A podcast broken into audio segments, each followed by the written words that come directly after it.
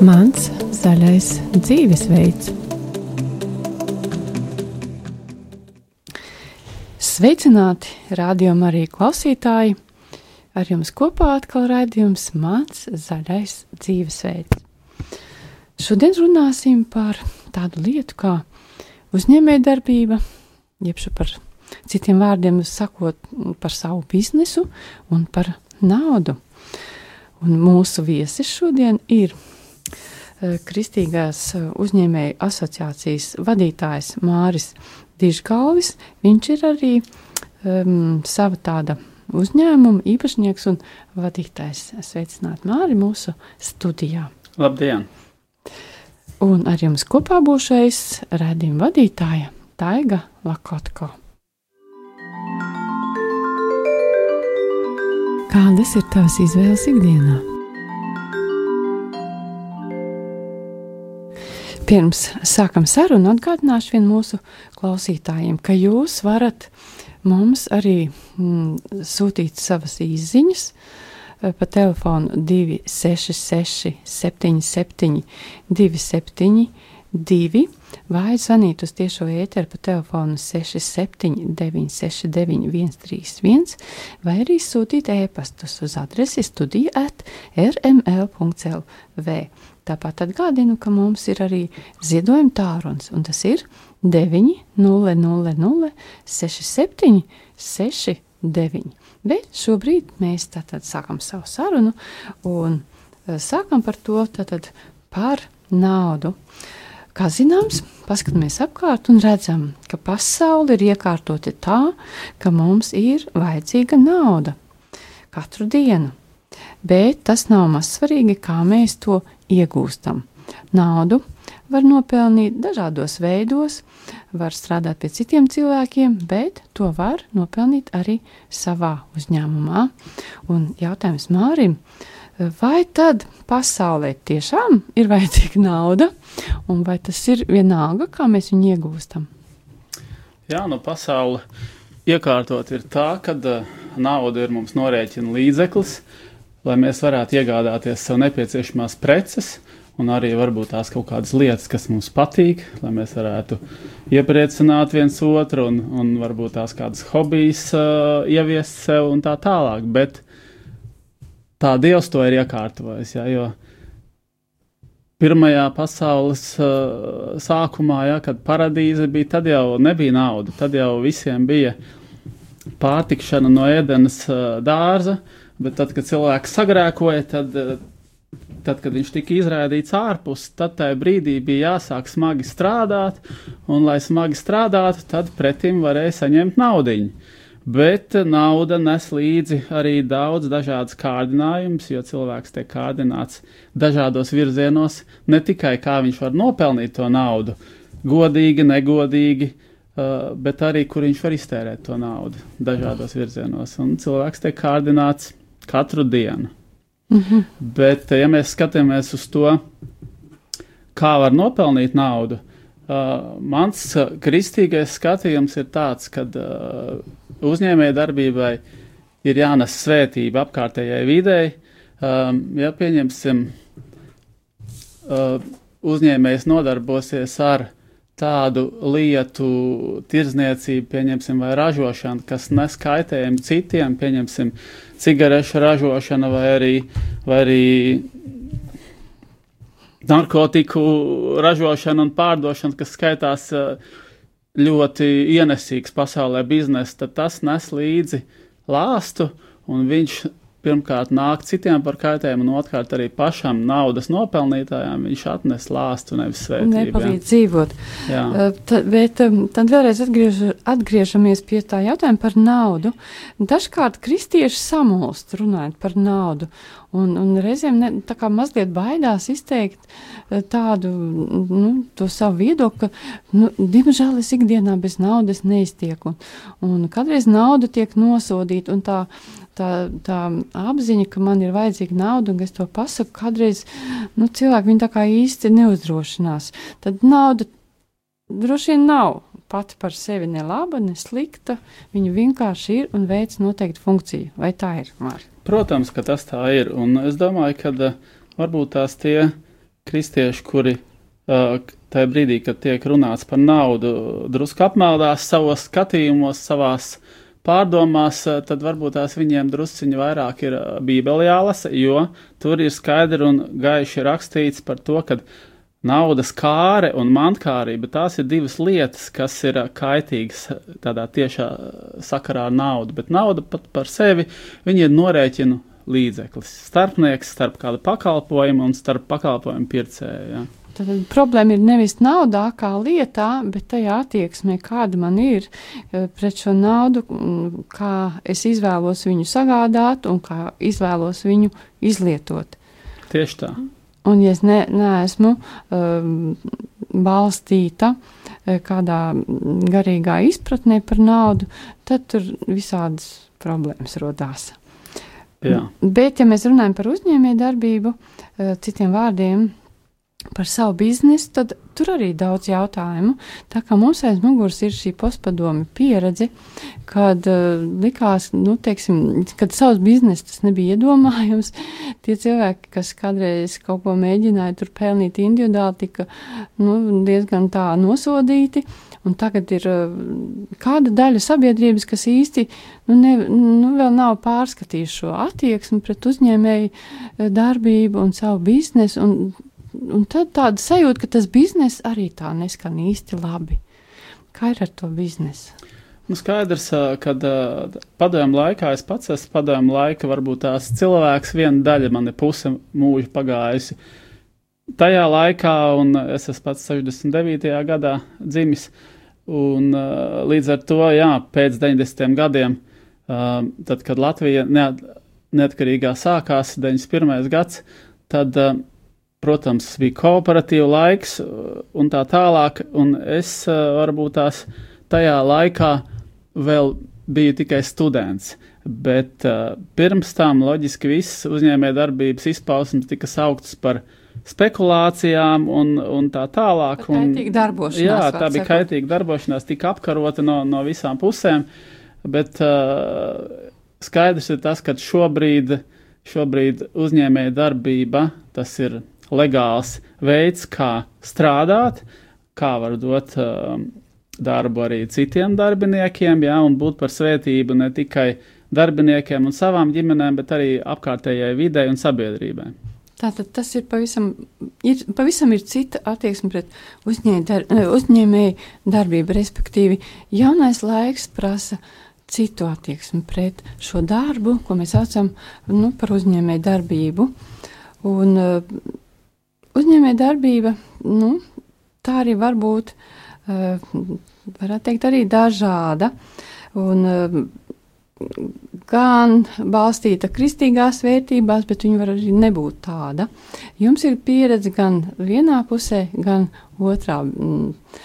Es saprotu, ka uh, jūs šobrīd esat, uh, nu, vadat lielu kristīgo uzņēmēju asociāciju, tātad tas jūsu, tā jūsu attieksme ir, ka kristīgās vērtības tomēr palīdz arī biznesā, arī uzņēmēju darbībā. Vai tā ir? Uh, viennozīmīgi tā ir. Uh, kristīgās vērtības ir vērtības, uz kurām balstoties var noturēt uzņēmēju darbību ilgtermiņā.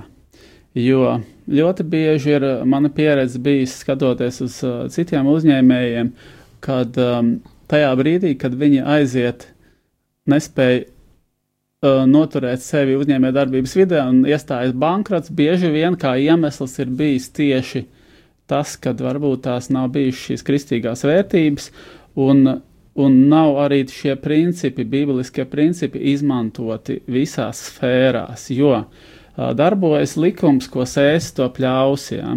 Ja, tu pļauj darbus, kurus ikdienā taisi, tu viņus sēji iekšā ikdienā, uh, kā tādas sēkliņas, labus darbus arī uzņēmēja darbībā un, un kādās citās savās dzīves jomās, tad pēc kāda laika tu pļausi arī labus augļus. Ja?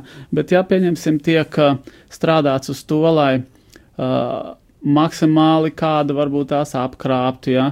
Lai, lai vairāk nopelnītu sev, lai citiem nesamaksātu, tad agri vai vēl tas kā tāds bumerangs atgriežas un tu to rāžu arī novāc sev. Ja? Un tas likums darbojas. to par saka. savām kļūdām mēs samaksājam, citiem vārdiem sakot. Jā, Mani kādreiz, kad es par šiem jautājumiem tikai sāku domāt, ļoti uzrunāja toreiz vēl arhibīskapa Jāņa Pujāta teiktais. Mm, Viņš teica kādus prediķus, un tad uh, tur bija tādi vārdi. Sakārtojiet savu biznesu tā, ka jūs ar to kalpojat Dievam. Kā jūs saprotat tādu attieksmi? Vai ar uh, savu biznesu tiešām var kalpot Dievam?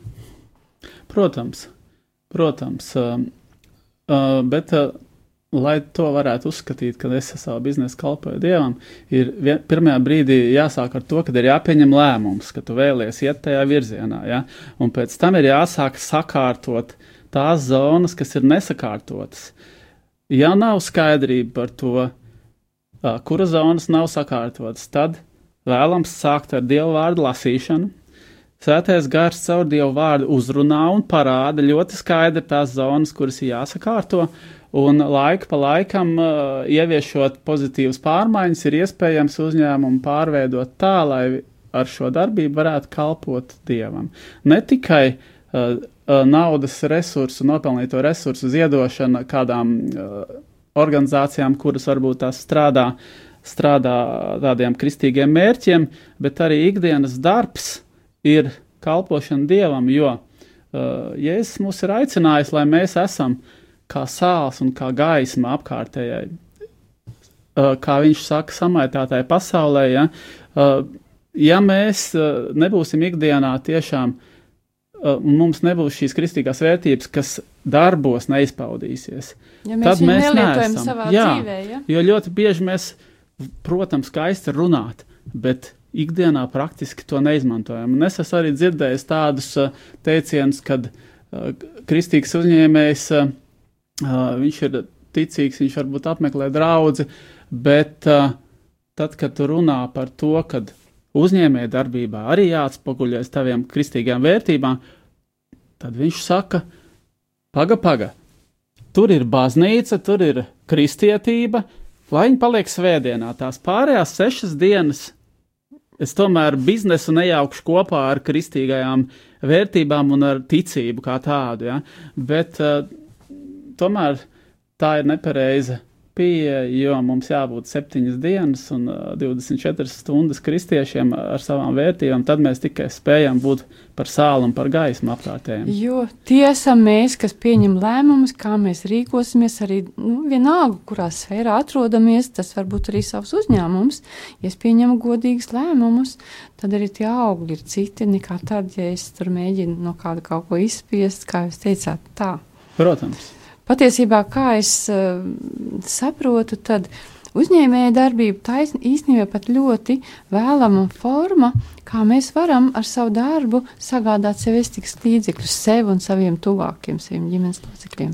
Protams, un uh, jebkura veida uzņēmēja darbība, vai tas ir viens cilvēks, kas sāk strādāt kā individuālais uh, nodarbinātājs, vai arī tas ir uh, tā saucamie mikro uzņēmumi, kas, kas arī ir mazkapitāla uzņēmumi, vai arī tur ir viens, divi cilvēki.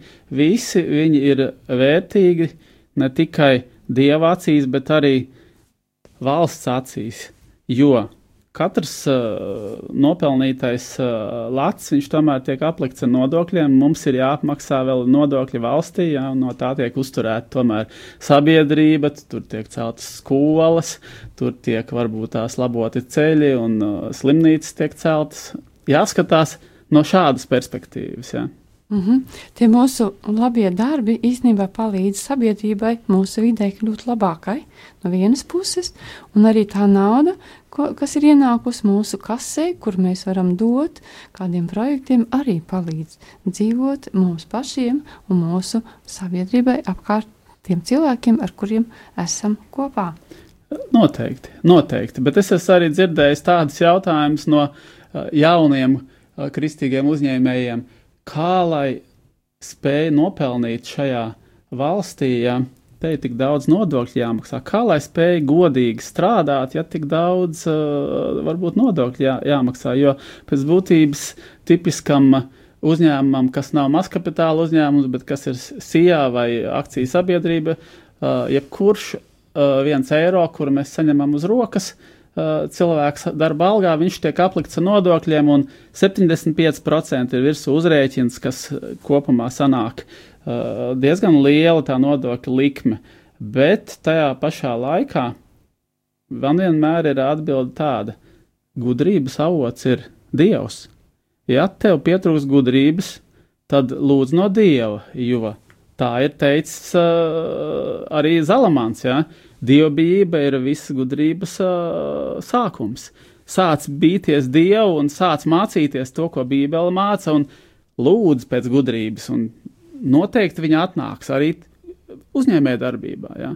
Jo ikdienā es pats lūkšanu izmantoju kā tādu spēcīgu ieroci katru dienu, jo grūtības ir regulāri grūtības, ir naudas plūsmas jautājumi, kāds nevar samaksāt laikā, tev jāsamaksā citiem laikā, un kur to mieru lai ņemtu tikai lūkšanā. Tā kā Dievs mums ir vajadzīgs arī uzņēmēji darbībā. Uzņēmēji darbībā viņš vēl vairāk vajadzīgs nekā ikdienā, kas ir darbiniekiem.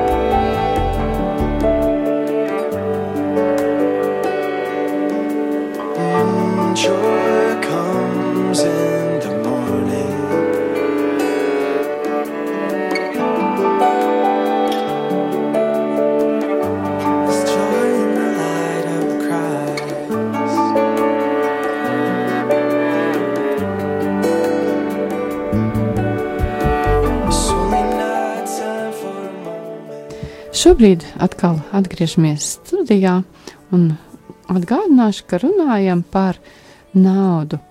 Vai nauda ir laba, vai tomēr nē, un arī par uzņēmēju darbību. Mūsu viesis šodien ir kristīgās, kristīgo uzņēmēju asociācijas vadītājs Māris Dižgalvs. Viņš stāsta par savu pieredzi, par savu viedokli par šiem jautājumiem. Un Māri mēs palikām pie tā, ka tieši um, nu, uzņēmēja darbībā, jo īpaši ir vajadzīga dieva klātbūtne, lūkšana, kristīgais pamats. Un, bet jūs teicāt, tā, lai nonāktu pie domas, organizēt savu dzīvi tā, ka, kad man ir savs bizness, savu uzņēmēju darbību, pie tā ir jānonāk. Tas kaut ko prasa. Kā jūs pie tā nonācāt? Jā.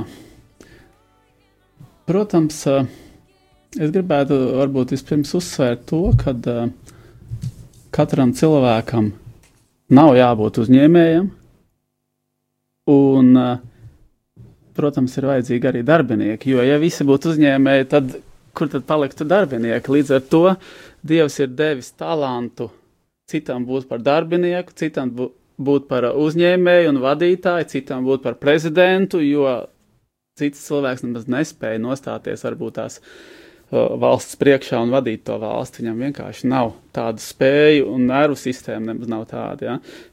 Man personīgi bija tā, ka uh, tajā brīdī, kad, kad es strādāju algot darbu kādā uzņēmumā, es vienkārši nonācu situācijā, kad man vienā dienā atlaid no darba. Atlaid no darba un uh, bija zināms, ka pēc uh, vienu mēnešu es esmu brīvām kājām. Jā, 30 dienas bija šis laiks, un es strādāju Dāņu kapitāla uzņēmumā. Es biju atbildīgs par industriāliem produktiem, par viņu izplatīšanu Latvijā un Igaunijā. Un tajā brīdī es uh, neņēmu ļaunu prātu uz, uz to, ka uh, ar mani tā ir noticis, bet es uh, izteicu tajā brīdī tādu uh, priekšlikumu, ka es labprāt sadarbotos ar, ar šo uzņēmumu, jo man bija zināšanas par, par specifiskiem produktiem, es pārzināju šo tirgu. Un uh, notika tā, ka uh, pēc dažiem mēnešiem viņi tiešām piekrita un, un, un ļāva man sākt savu uzņēmēju darbību no nulles, uh, un es lēnā garā viņu varēju paplašināt līdz brīdim, līdz šai dienai, ja jau 14. gads mums iet, kā mēs strādājam, uh, Un, ja es sāku kā viens cilvēks, tad šajā brīdī mēs esam Latvijā un Igaunijā kopā apmēram 19 cilvēki un esam paplašinājuši savus darbības virzienus inženiertehniskajā jomā, strādājam saistībā ar apkurses sistēmām, ar notekūdeņu attīrīšanu, ar ūdens sagatavošanu un dažādām citām lietām. Bet es gribu teikt tā, ka šī bija iespēja.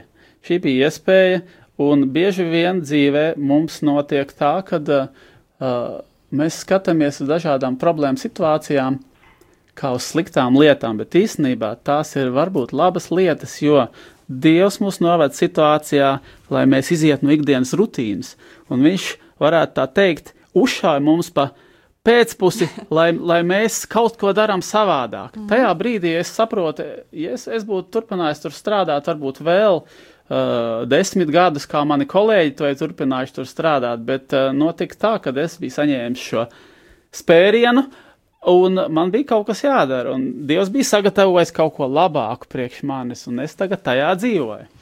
Tanī brīdī iespējams, ka jūs jutāties ka, nu, tā diskomfortā, un, bet tagad ir izaugsme notikusi, jo tanī situācijā jums bija jāsāk kaut ko domāt, darīt savādāk, nonācāt pie sava izņēm, uzņēmuma un kļuvāt partneri, kas ir pavisam cits status, tās pieprasīja izaugsmi, un tas vai, kā es redzu, ka tas jau ir pavisam tā jau ir cita dzīves kvalitāte. Un tad jūs varat arī salīdzināt, kā ir strādāt pie cita un strādāt savā uzņēmumā. Vai jūs esat priecīgs par tādu rezultātu, vai tomēr, vai kā? Ja jums atkal būtu nonākt tādā pašā situācijā, vai jūs atkal iet to, iet to pašu ceļu? Mana konkrētā pieredze ir tāda, ka uh, salīdzinot sevi ar 14 gadiem atpakaļ, nu, es esmu kļuvis uh, cits cilvēks atkal dēļ savas dzīves pieredzes un ar, arī dēļ uh, dažādām izmaiņām, kas manī varbūt tās notikušas, ir garīgā plāksnē pa šo laiku, uh, bet uh, vadītājam pilnīgi noteikti ir priekšrocības uh, salīdzinājumā ar darbinieku, jo vadītājs var pirmkārt izvēlēties, ko viņš dara, kā viņš dara, kad viņš dara. Izvēlēties instrumentus, izvēlēties darbiniekus, tādus vai šitādus, noteikti uzņēmumā vērtības, kurās mēs noturēsimies, ja? stratēģijas, viss ir vadītāja rokās. Līdz ar to viņam ir ļoti liela ietekme. Un, ja vadītājs ir uh, balstīts uz kristīgām vērtībām, tad viņam caur šo prizmu ir iespēja ietekmēt arī savus darbiniekus un viņu ģimenes, un arī apkārtējos sadarbības partnerus. Ja? Tā ir ļoti nozīmīga loma. Es atzīstu šajā jūsu stāstā vēl tādu lietu, ka jūs, tad, kad jums ir sava uzņēmēja darbība, kaut kas savs, jūs ejat savu ceļu īstenībā. Jūs nevis pildat pavēles, kāda cilvēka pavēles esat izpildītājs, bet tur jau jūs klausaties, kas, kas ir tie mani risinājumi. Tie ir jūsu mērķi, un tā ir pavisam cita kvalitāte. Tā Kā jūs ir, ar to jūtaties? Jā, tā ir pavisam cita kvalitāte.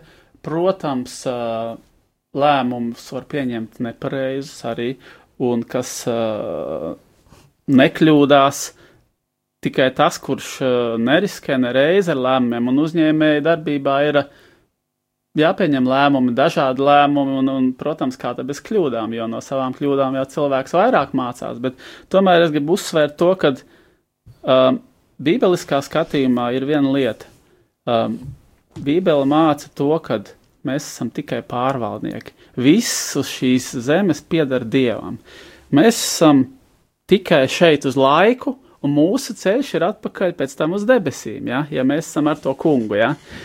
Un, uh, Līdz ar to es paskatoties uz savu uzņēmēju darbību, kā man uh, veidojās šīs iespējas, es saprotu tā, ka uh, Dievs man deva šīs iespējas. Es pats sevi neatlaidu no darba. Pēc tam viņš deva tiem cilvēkiem, kuri man piedāvāja, varbūt tās akceptēja manu izteikto vēlmi sākt savu uzņēmēju darbību. Viņš deva viņiem uh, šo vēlmi pateikt jā. Un daudz dažādi, un dažādi ir uh, notikumi sekojuši, kur es saprotu, ka tā nav mana līdzdalība. Uh, un tikai pieņemot to, ka Viņš, Dievs, Jēzus Kristus, ja, šī svētā trīsvienība, Dievs, Viņš ir īpašnieks visam, un Viņš ir devis man tās īpašības, kas manī ir iekšā. Ja. Jo, ja es būtu gleznotājs, es nevarētu strādāt ar industriālām lietām, bet es esmu aizgājis tajā virzienā. Tātad man arī atbildīgi ir jāpārvalda viss tas, ko viņš man ir devis un tur sākās problēmas. Jo? Kā to visu atbildīgi pārvaldīt, un tur sākās kārdinājumi, un tur sākās uh, garāks stāsts. Bet stāstiet. Uh, man bija tāda pieredze, kad um, 2004. gadā, kad es sāku šo uzņēmēju darbību, uh, viņa attīstījās ļoti labi, jo bija tie saucamie traknie gadi, kalvīšu laiks, uh, Un katru gadu bija pieaugums apmēram par kādu 100%, un pēc tam iestājās 2008. gads, iestājās krīze. Un viss bija aizgājis toreiz ļoti strauji, un es biju sev paņēmis šo uh, uzņēmēju karogu rokās, un, un varētu tā teikt, sita sev pie krūts un teica, es esmu uzņēmējs, tas ir mans, es esmu to visu izdarījis, eh, un tas ir mans, un ar tādu attieksmi gāju uz priekšu, biju lielus plānus sev uztaisījis, biju uh, sācis celt māju ģimenei, un Ar tad vienā ja? momentā iestājās krīze.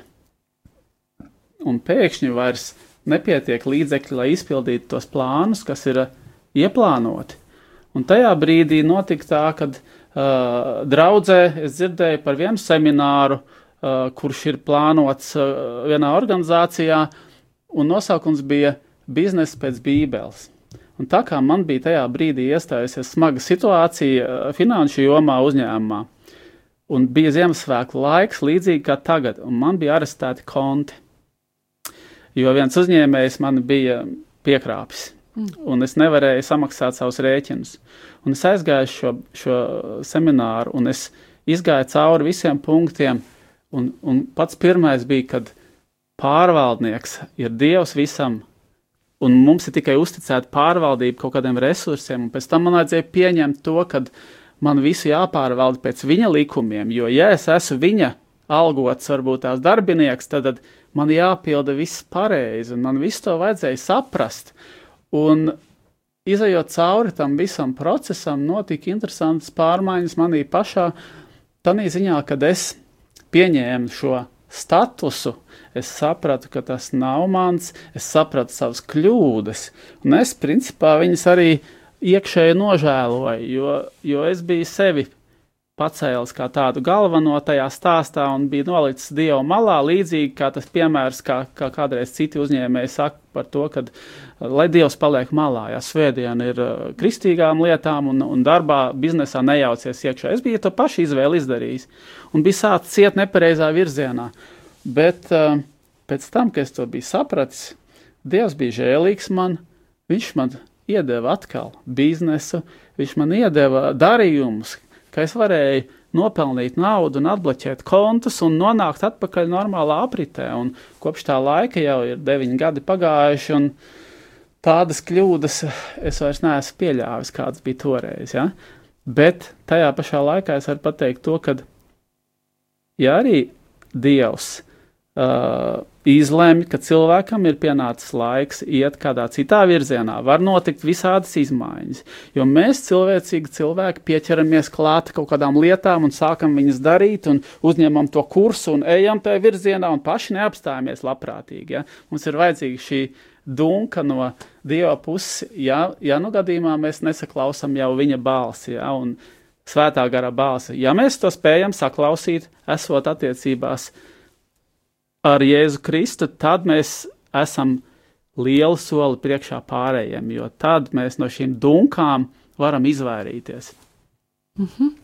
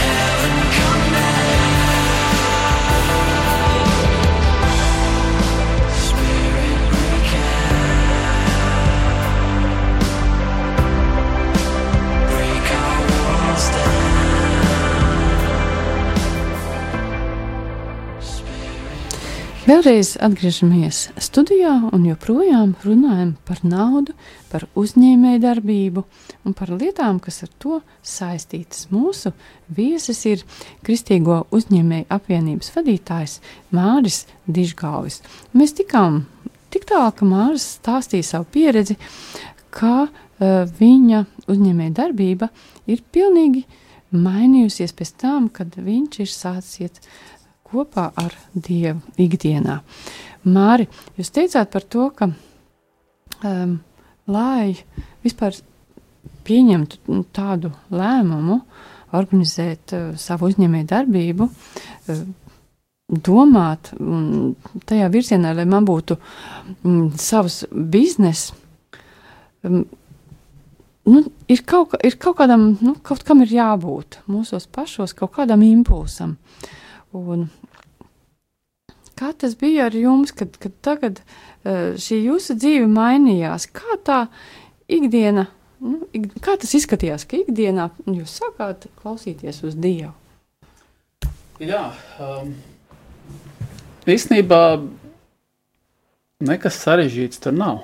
Mm -hmm. Faktiski, uh, kā pats Jēzus saka, to, kad uh, manas avis dzird manu balsi, ja? un, un svarīgi ir saprast uh, to gana balsi, ja, ka tā ir viņa balss, jo caur domām pie mums atnāk dažādas lietas, uh, un mēs varam pārprast arī domas un paņemt to, ka tas ir uh, no Dieva, bet īstenībā tas mums atnācis no citurienes, un es esmu to piedzīvojis, kas es kļūdas pieņēmis, un vēlāk es to saprats, un tad es domāju, kāpēc es tā esmu kļūdījies, un, un fakts ir tāds, ka ir divas lietas. Pirmām kārtām ir jālasa Dieva vārds, Un viņš kā sēkla iesējas iekšā mūsu sirdī, un pēc tam viņš sāk augt. Un tad, kad viņš sāk augt, tajā brīdī mēs sākam saprast, pēkšņi rakstu vietas, mums pēkšņi atklājās pilnīgi cita būtība, ja? un paralēli vēl ir lūkšana, ja? un lūkšana ir vajadzīga, ja reiz ir pārvaldnieks, galvenais pārvaldnieks, īpašnieks visam ir Dievs, tad mums kā pārvaldniekiem ir jākomunicē ar mūsu bosiem, un caur lūkšanu ir šī mhm. komunikācija, un savukārt uh, raksti ir šīs mācības, ja, caur kurām atkal caur svēto garu Dievs ietekmē mūs, mūsu domāšanu, mūsu sirdi, un rezultātā, rezultātā mēs nonākam pie pareizām izvēlēm, jo neviena izvēle, kur ir pretrunā ar svētajiem rakstiem, nebūs no Dieva, jo Dievs nerunā pats pret sevi. Bet, ja mēs paši neesam studējuši tos svētos rakstus un nezinām, ka tur ir rakstīts, ka tā nedrīkst darīt, tad tā ir mūsu paša vaina, jā, jo reāli jau bieži vien ir, kad pārkāpjam satiks noteikums un mēs uh, gribam attaisnoties varbūt tās uh, policistam par to, ka mēs nezinājām, ka tur ir tāda zīme, jā, bet tas mūs no tā, no soda neatbrīvo, jā. Nu, nu, Nezināšana, nu, jā. jā. Jālasa, jālasa noteikumi, un kristietim noteikumi ir bībeli. Mm -hmm. Un, ja ir jālasa Bībele, ir jāklausās, ko Dievs runā, tad droši vien ir vajadzīgs arī kāds laiks, priekš tā kā, kāda telpa arī ikdienā, vai jūs plānojat tādas pauzes, tādas klusuma periodus? Jā, brīžus? es plānoju, es, es cenšos, cenšos katru rītu kādu laiku uh, Dieva vārdu lasīšanai ieplānot un arī, arī lūkšanai. Un man ļoti patīk arī um, audio bībele, kas ir uh, šobrīd pieejama, jo viņa atvieglina, atvieglina lasīšanu, jo tu vari kaut ko darīt un arī reizē klausīties un mācīties. Ja? Noteikti tas ir vajadzīgs. Mm, mums te bija arī mm, klausītāju um, jautājumu. Nē, man saka kolēģis, ka, ka jautājumu, jautātājs ir laikam nolicis klausuli, bet doma bija tāda, ka eh, zvanīts kā cilvēks no grupas Jāzepa vīri un aicināja Māri eh, nākt tā kā ar, nu, ar tādu lekciju par, par šiem jautājumiem. Un es gribu teikt, ka tieši tāds pats jautājums varētu būt arī citiem cilvēkiem, un man liekas, ka tā ir ļoti laba ideja lūgt nu, tādus kristīgus cilvēkus stāstīt par šiem jautājumiem. Bet, ja jau šobrīd tas klausītājs ir pazudis, tad mēs varam turpināt sarunu. Un jautājums tad vēlreiz Mārim par šo te, par tām kristīgām vērtībām. Tātad, tad, kad kristīgās vērtības ienāca jūsu dzīvē, jūsu uzņēmējdarbība, jūsu biznesa mainījās. Vai tas Jā. bija uzreiz tā vai, vai kā? Uh, biznesa mainās uh, faktiski dēļ lēmumiem, kurus uh, mēs ik viens pieņemam. Un, ja lēmumi ir balstīti uz uh, kristīgām vērtībām, tad principā ļoti daudz jautājumu noņems no dienas kārtības. Man ļoti patīk, es esmu redzējis arī tādu labu frāzi, uh, pie kāda man pazīstama kristīga uzņēmēja uz sienas ir uzrakstīts uh, sekojoši vārdi. Tajā situācijā, ja jūs uh, turaties pie saviem principiem ikdienā, 99% gadījumu jūsu lēmums ir jau pieņemts. Līdz ar to tā integritāte, ja, ja mēs turamies un esam izlēmuši turēties pie kristīgām vērtībām, tad nepieļaut kompromisus tādā brīdī, kad kompromisus tevi spiež kā kārdinājums. Ja? Un no tā sākās mūsu tā ticības izaugsme. Ja mēs spējam, sākam pretoties tiem visiem kārdinājumiem, un līdz ar to mūsu vērtības paliek kā tāds stabils akmenis, kā, kā Jēzus pats teica, es esmu stūra akmenis. Ja? Stūra akmenis ebreju mājās bija uz paša stūra tāda liela klinša gabals, jau uz kura turējās visas mājas pamati. Ja? Un ja šīs, eh, šis stūra akmens mums šīs jēzus kristīgās vērtības ir apakšā, tad mēs arī savā ikdienas uzņēmēja darbībā spēsim būt uh, noturīgi. Stipri. Stipri. Uh, mums bija atnācis arī jautājums par nu, vienu klausītāju pār tieši um, maksājumiem aploksnē. Tad tur arī bija šī te tas viedoklis, ka, nu, ko tad darīt, kad nav naudas, un kā tad, kā tad lai samaksātu tiem saviem darbiniekiem, un it kā nav labi maksāt aploksnē, eh, bet, bet nu, tas tā kā nebūtu Dieva plāns, bet es jau savādāk nevaru. Kā jūs uz tādu jautājumu atbildētu? Uh, tur diezgan uh, skaidra atbilde. Pēc būtības ir jāsāk ar budžetu. Un katram ir jāsaprot tas, ka viens eiro maksā apmēram 1,75 eiro. Un, uh, lai kādam varētu samaksāt uh, 1000 eiro, pieņemsim, darbiniekam 1000 eiro uz rokas, viņam jānopelna 1750 priekš uzņēmumu. Ja šis darbinieks nespēja to nopelnīt, tas nozīmē, ka viņš strādā nerentabli. Tātad produktivitātei jābūt pirmkārt, otrkārt, rentabilitātei Un, ja mēs pieļāvām kompromisus, es varu pateikt to, ka tajā brīdī, kad mēs pieņemam lēmumu sākt maksāt aploksnēs, no tā ir ļoti grūti iziet ārā. Jo ir iedota rociņa šim kārdinājumam, un, un viņa turās pie tā, un uzreiz rotās kārdinājums domāt par to, kā es nopelnīšu vairāk, ja es no tā iziešu. Es uh, piedāvāju paļauties tomēr vairāk uz Dievu, pieņemt lēmumu, es gribu darīt pareizi, es maksāšu ar nodokļiem, viss kā nākās, un kungs, tu esi pār, īpašnieks visam, es būšu labs pārvaldnieks, palīdz man nopelnīt un dod man gudrību, kā nopelnīt, paļauties šajā jautājumā uz Dievu. Un tas strādā. Un tā gudrība atnāk. Viņa atnāks, jo Jēzus pats teica, neviens, uz ko, kas no manis lūgs, es viņam neatteikšu. Ja?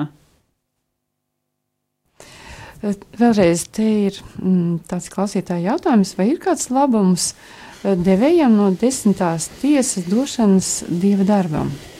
Nu, eh, šis jautājums ir pagriezts īstenībā drusku nepareizā formā, jo mums atkal skatoties no šīs pārvaldnieka prizmas, tie 10% ir jādod īpašniekam, tā kā tāds nodoklītis. Ja? Uh, maziņš nodoklis, jo mēs maksājam daudz lielākus nodokļus. Es kā minēju, 75 mēs samaksājam par katru eiro, bet tikai 10 jādod. Tas īstenībā nav obligāti, jo jaunā derība skaidri un gaiši pasaka to, ka dodiet no labprātīgas sirds tik, cik jūs uzskatiet par pareizu, bet uh, principā viss jau tāpat pieder Dievam labums nekāds nebūs tāds materiāls labums, un bieži vien ir cilvēki labklājības evaņģēlīja sludinātāji, kas sagroza bībeli un uh, stāsta to, ka, ja tu sama, samaksāsi tūkstotīti, ja, tu saņemsi pretī desmit. Tā nav patiesība. Tā Bībelē nav nekur rakstīts, ja, bet šis ir paklausības žests. Ja reiz es gribu pildīt un atbalstīt arī garīgo darbu un baznīcu un arī kādas citas ar kristīgām vērtībām saistītas lietas, tad desmit varbūt procentus tas ir tikai tas uh, sākums, no kā varētu sākt. Ja? Jo, ja Dievs svētī, es pazīstu uzņēmējus arī ārpus uh, Latvijas kristīgas uzņēmējas, kuri atdod 90% no visu nopelnītā evanģelizācijai, atbalstam, viņi ceļ mājas. Uh, Āfrikā viņi ceļ mājas, citos, citās valstīs, kur ir, kur ir trūkums priekš trūkuma cietējiem. Tā kā šis jautājums ir diezgan skaidri atbildams. Jā. Lūk, man ļoti žēl, bet mūsu laiks jau ir šobrīd jau beidzies, mums ir jā, jā, jābeidz šī saruna. Kaut gan te ir šie jautājumi, ir mūža seni, un mēs par tiem runāsim vēl kādos citos mūsu nākamajos raidījumos. Pat labi, es teikšu sirsnīgi paldies mūsu raidījuma viesim, Kristīgo uzņēmēju asociācijas vadītājam Mārim Dižkāvim. Es teikšu paldies tiem cilvēkiem, kas mums uh, zvanīja, sūtīja īziņas, kas klausījās. Un no, atvad, uh, no jums atvados arī es, raidījuma vadītāja Daiga Lakotko. Uz tikšanos nākamajās reizēs!